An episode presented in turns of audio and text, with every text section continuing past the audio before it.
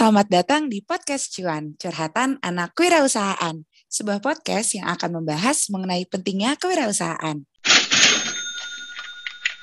Nah, nama aku Alamanda, atau kalian bisa panggil aku Ala atau Manda, whatever you like, yang akan menemani kalian selama podcast ini berlangsung.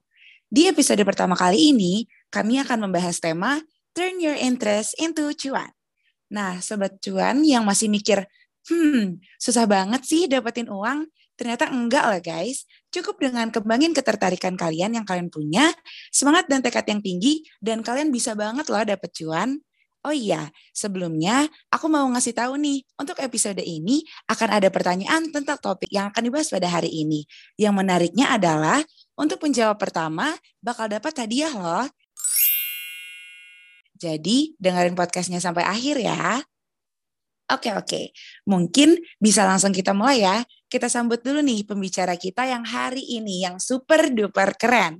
Mungkin aku jelasin secara singkat dulu kali ya tentang pembicara kita yaitu Kak Nakia Melvana. Kamelva adalah salah satu mahasiswa Universitas Indonesia dari jurusan Fisika angkatan 2019. Saat ini, Kamelva memiliki kesibukan kuliah dan bisnis yang namanya Fleur de Java. Dan dulunya Kamelva merupakan ketua Biro Wirus tahun lalu loh, keren banget kan? Langsung aja kali ya kita sapa. Halo Kamelva, apa kabar Kak? Halo Manda, halo Sobat Cuan. Kabar aku baik banget nih lagi liburan juga. Kalau kamu gimana kabarnya, Man? Wih, seru banget, Kak. Alhamdulillah kabar aku baik. Mungkin Kak Melva boleh nih kasih perkenalan singkat tentang diri kakak sendiri.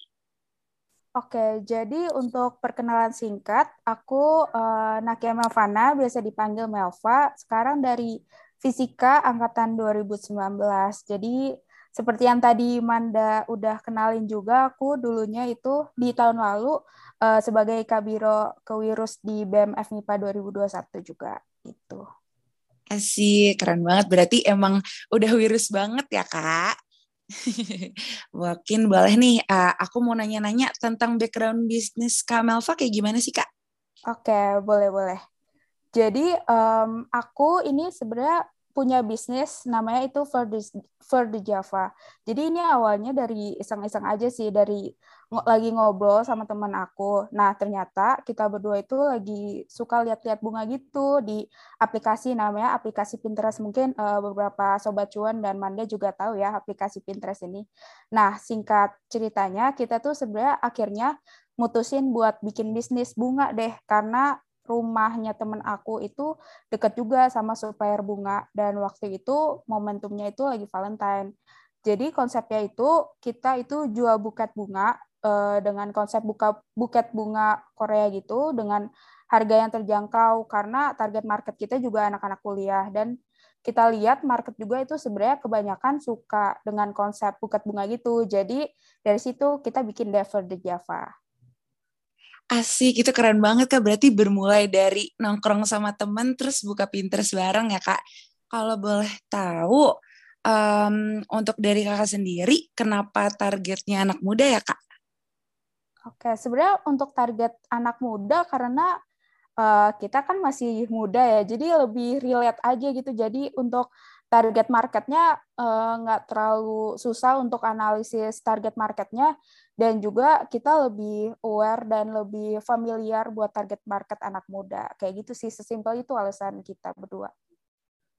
Oke kak, mungkin yang pengen aku tanyain ini nih, kenapa namanya Fleur de Java? Boleh dijelasin kak? Oke, sebenarnya Fleur de Java itu uh, kita ambilnya itu dari uh, nama Java. Java itu singkatan dari nama kita berdua. Terus fleur itu bahasa Prancisnya dari bunga. Jadi akhirnya kita bikin namanya fleur de Java. Gitu. Iya keren banget. Mungkin yang pengen aku tanyain, kalau misalnya sebelum uh, sebelum dari Fleur Java ini, uh, Kamelva udah pernah ada bikin bisnis belum ya kak? Hmm, untuk bisnis sendiri sebenarnya aku ada beberapa coba bisnis-bisnis, ide-ide bisnis yang sebelumnya udah aku uh, kembangin ya, tapi nggak terlalu aku um, kembangin lagi, kembangin lebih lanjut. Karena juga uh, kesibukan aku yang uh, prioritas utama aku juga masih kuliah dan juga masih apa ya uh, menurutku untuk ngembangin bisnis yang benar-benar uh, stabil itu susah untuk uh, manage waktunya bagi aku ya. Tapi uh, ada juga orang-orang yang memang uh, bisa memanage waktu dengan baik. Jadi aku lebih milih prioritas utamaku dulu uh, uh, dengan kuliah dan juga organisasi karena aku juga kan di kuliah ini uh, tahun-tahun sebelumnya itu masih sibuk-sibuk organisasi dan kepanitiaan. Jadi prioritas aku masih di situ gitu sih man. Jadi aku bener, belum benar-benar uh, ngebangin bisnis yang uh, berkelanjutan sampai sekarang kayak gitu. Oke oke keren banget kak. Uh, mungkin aku mau nanya, berarti kan ini bermulai dari ketertarik, ketertarikan kakak dan teman kakak ya kak, pas lagi lihat-lihat Pinterest. Kalau menurut kakak sendiri, apakah semua ketertarikan bisa dijadiin bisnis? Kalau iya, contohnya kira-kira gimana tuh kak? Hmm, sejujurnya itu sebenarnya mungkin tergantung dari orangnya masing-masing ya, yang punya keter, ketertarikan atau hobi tertentu. Tapi sejauh ini yang aku tahu, harusnya bisa sih karena seorang entrepreneur atau pengusaha kan harus punya ide-ide yang nggak banyak orang punya dan jalan pikirannya juga beda. Misalnya gini, misalnya kamu punya hobi nih di fotografi dan videografi, udah punya banyak portofolio juga, kenapa enggak? Kamu buka service atau jasa untuk uh, bidang fotografi dan videografi buat orang-orang yang nantinya akhirnya bisa berkembang, mungkin jadi agensi yang nyediain servis di bidang itu. Atau juga bisa kamu uh, kerjasama sama teman kamu yang punya skill dan ketertarikan di bidang wedding organizer atau event organizer yang mana nanti kamu uh, ada di bidang dokumnya itu. Nah, ide-ide yang kayak gitu yang diperluin buat kita bisa bikin bisnis dengan ketertarikan apa aja. Gitu sih menurut aku. Oke, keren banget, Kak. Oke, mungkin aku pengen nanya nih Kak, kira-kira kalau misalnya tips and tricks untuk turn your interest into cuan gitu gimana ya Kak? Oke, tips and trick. mungkin uh, tips and trick untuk uh, mengubah interest kita untuk uh, menjadi bisnis kali ya. Mungkin uh, yang pertama, uh, kita bisa banyak-banyakin ngobrol sama orang dan tukar, tukar pikiran gitu. Karena uh, dari kita sendiri pokoknya jangan takut gaul sama siapa aja. Dan kita ngobrol sama orang itu banyak hal-hal yang bisa kita pelajarin dari teman kita itu.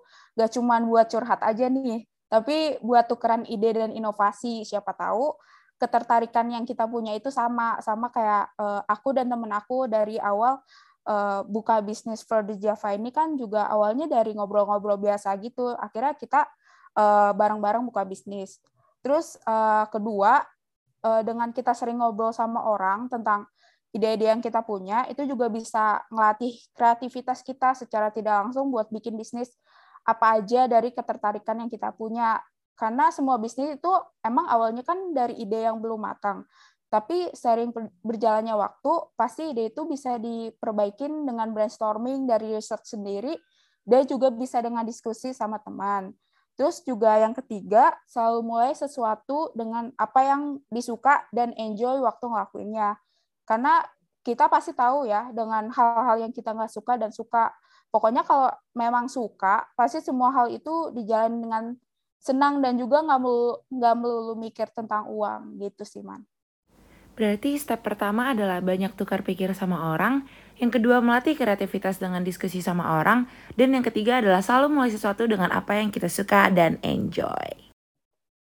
Oke, terima kasih banyak Kak. Mungkin yang pengen aku tanyain sekarang itu, eh, kira-kira apa sih yang harus kita punya sebelum mulai bisnis? Seperti itu. Oke, yang perlu kita punya sebelum mulai bisnis ya. Sebenarnya eh, aku jawabnya general aja ya Pertama itu sebenarnya mungkin menurutku yang paling penting itu networking. Networking sama siapa aja, sama semua orang yang berkaitan dengan bisnis yang mau kamu bangun.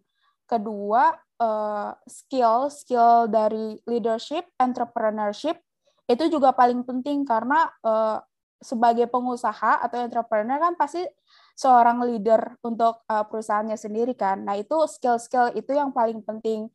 Juga yang ketiga mungkin sebagai leader itu uh, paling penting butuh uh, kecerdasan kecerdasan emosional uh, sebagai leader karena uh, yang paling penting dari sebuah bisnis menurut aku adalah internal dari kerjasama timnya itu sendiri. Uh, tanpa kerjasama tim yang baik, sebuah bisnis itu uh, gak bisa, uh, maksudku apa ya, uh, tidak bisa berkembang dengan baik karena uh, da dari hal-hal sepele aja untuk misalnya buat ngerjain operasional, buat uh, ngerjain hal-hal yang sepele uh, yang terkait bisnis itu kalau misalnya kerjasama timnya itu kurang baik, pasti kan uh, output yang dihasilkan juga kurang baik. Jadi menurutku tiga itu sih yang paling penting untuk uh, sebelum ngebangun bisnis gitu. Oke, berarti yang pertama adalah networking dengan siapa saja yang berkaitan dengan bisnis yang kita mau bangun. Yang kedua, skill entrepreneurship. Dan yang ketiga adalah kita butuh kecerdasan emosional. Oke Kak, mungkin uh, kalau misalnya dari lanjut dari pertanyaan tadi, untuk mulai dari diri sendiri nih Kak, ya kan tadi jawabannya, gimana sih Kak caranya? Entah itu apakah kita dengerin podcast atau emang kita cara cari tahu lebih lanjut, kira-kira gimana tuh Kak? Uh, yang pasti sebenarnya harus suka dan enjoy berbisnis karena uh, sebagai seorang entrepreneur untuk ngebuka bisnis itu bukan suatu hal yang mudah. Mungkin emang kalau misalnya udah sukses itu uh, uang yang akan balik ke kita itu juga akan uh, besar kan tapi sebelum uh, mencapai dengan uh, mencapai ke pencapaian yang seperti itu itu di baliknya itu banyak hal-hal yang gak banyak semua orang pengusaha atau entrepreneur itu uh, ceritain. Kayak misalnya uh, susahnya uh, susahnya networking atau susahnya mencari kesempatan. Dan juga sebagai entrepreneur kan pasti untuk ngebangun bisnis itu uh, pasti kan uh, mikirin suatu bisnisnya itu 24 jam per 7 ya untuk mencari ide dan lain-lain. Jadi itu uh, yang paling penting sih untuk networking kayak gitu. Oke oke, mungkin uh, dari Kamelva sendiri nih Kak, ada closing statement gak ya untuk para sobat cuan yang ingin mengubah ketertarikan atau interest mereka menjadi cuan? Kayak untuk uh, mungkin untuk teman-teman sobat cuan, pokoknya dari aku itu uh, cari tahu dulu hal apa yang benar-benar uh, disuka. Bisa juga kalau belum nemu apa yang disuka itu bisa banyak-banyakin ngobrol gitu sama teman dan baca buku juga, misalnya buku tentang ikigai, mungkin uh, beberapa dari kalian udah tahu yang bantu gimana caranya kita uh, nemuin apa yang kita suka. Uh, setelah itu setelah tahu apa yang benar-benar kita kita suka dan enjoy, baru deh kita bisa mikirin step selanjutnya buat nemuin ide bisnis apa yang yang, yang mau dibikin. Pokoknya mulai aja dulu dan banyak-banyakin gaul atau bahasa bisnisnya itu sebenarnya networking sama orang kayak gitu. Wah keren banget, mungkin aku pengen ngucapin terima kasih sebesar-besarnya kepada Kak Melva yang telah menjadi narasumber kita yang kece pada hari ini. Nah, untuk Sobat Cuan, sesuai yang aku bilang di awal episode, akan ada pertanyaan mengenai topik hari ini, yaitu bagaimana sih cara Kamelva mengubah ketertarikannya menjadi cuan? Bisa banget dijawab di kolom komentar Instagram BEM FIPA UI ya. Nah, untuk pemenangnya akan diumumkan di episode selanjutnya. Jadi, jangan sampai ketinggalan untuk episode berikutnya yang temanya juga gak kalah menarik dari episode hari ini. Oke teman-teman, mungkin sampai di sini dulu episode kita kali ini. Semoga apa yang dibawakan bisa banget dipakai ilmunya untuk para sobat cuan nih.